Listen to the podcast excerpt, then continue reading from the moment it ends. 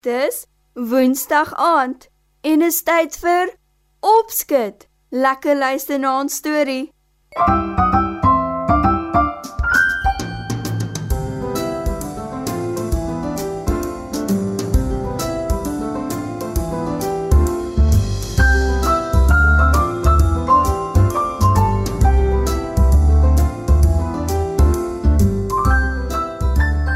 Goeienaand maats.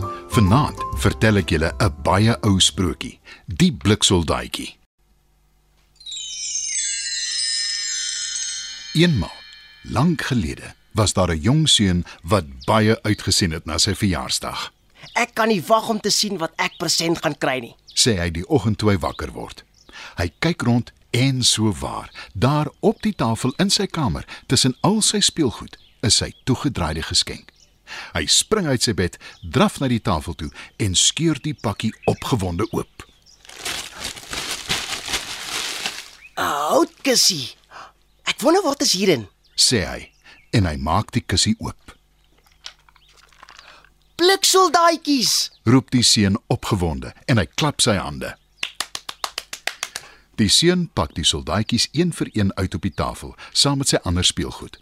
Hy bewonder hulle pragtige uniforms en hoe regop hulle staan, geweer oor die skouer. Soos wat hy die bliksoldaatjies uitpak, tel hy hulle. Toe hy by die laaste een in die kussie kom, sê hy: Nommer 25. Maar toe hy die soldaat langs die ander in die netjies ry pak, is hy verbaas om te sien die soldaatjie het net een been. Sy mamma kom net toe by sy kamer ingeloop en vra: Hou jy van jou geskenk seun? Ja, mamma, dankie. Antwoord hy. Maar toe tel hy die soldaat met die een been op en vra: Uh, hoekom het die soldaatjie net een been, mamma? Sy mamma frons, dink 'n oomblik na en toe sê sy: Miskien het die man wat hulle gemaak het se materiaal opgeraak.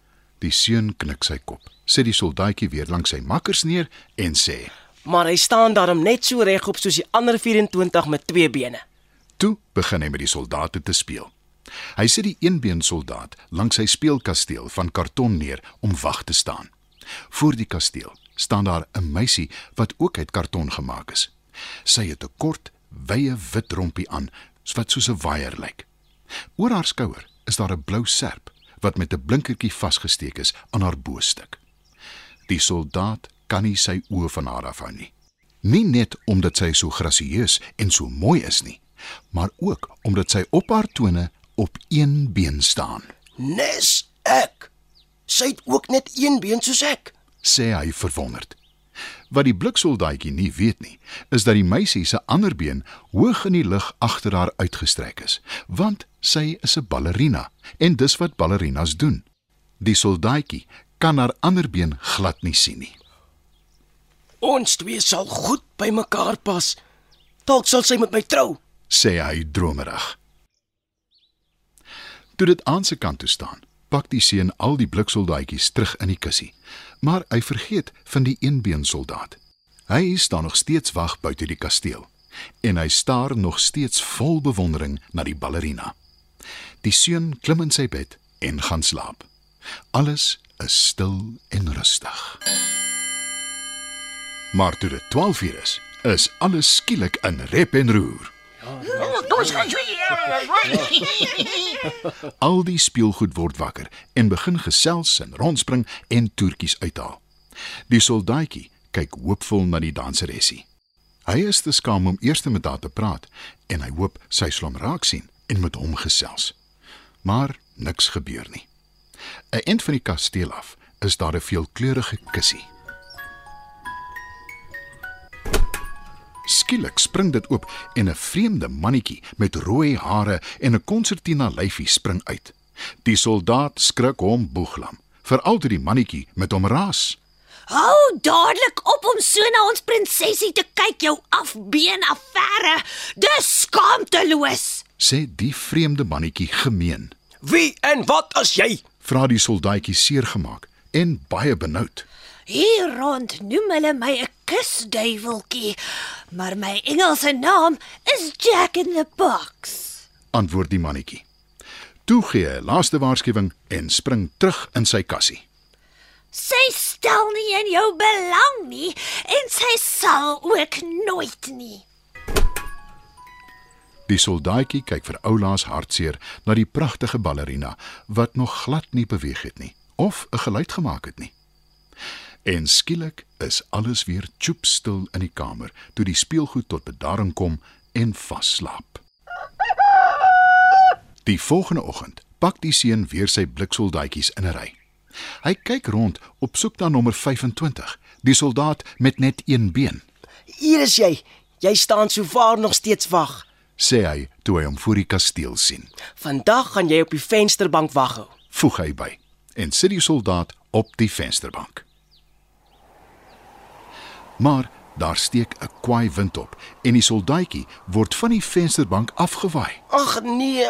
sê die seun en hy draf buite toe om sy soldaatjie te soek.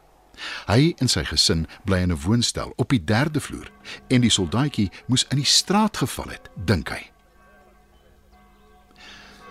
Maar die soldaatjie is nêrens te vind nie. Ek het daarom nog 24 soldaatjies oor. troos die seun homself.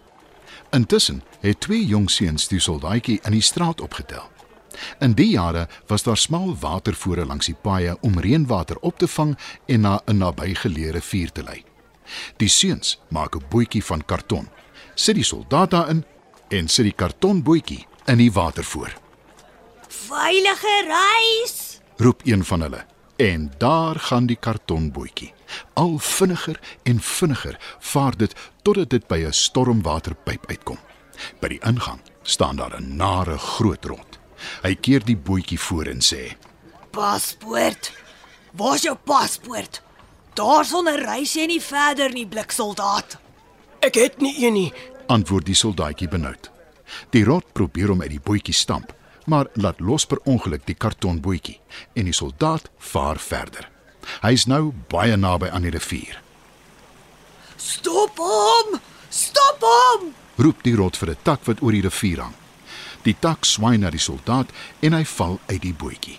Hy sink al verder en verder weg in die water, Ah, nou is dit klaar praat met my. sê die bliksoldaatjie moedeloos. Die volgende oomblik word alles om hom donker en hy voel asof hy ingesuig word. Wat eintlik gebeur is 'n vis sluk hom in. Die soldaat weet nie wat hom getref het nie. Hy is bang en onseker, maar hy bly dapper.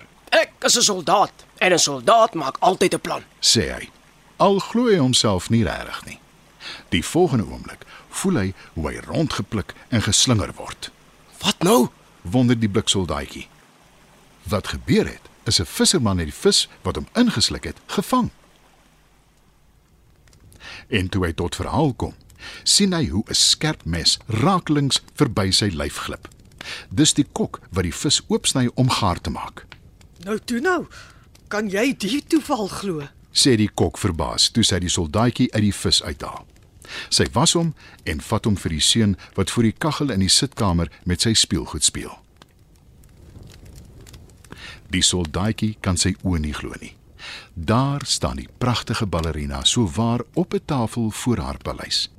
Die seun sit die eenbeen soldaat op 'n tafel voor die kaggel neer en sê: Ek is bly jy's terug. Maar sy hond loop sterk swaaiend verby die tafel en stamp die soldaatjie per ongeluk in die vuur. Die vlamme lek om sy lyf. Hy kyk vir oulaas na die ballerina. En die volgende oomblik waai daar 'n wind deur die oop venster en sweep die pragtige klein ballerina ook in die vuur.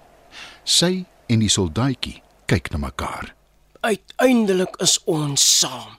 sê hy.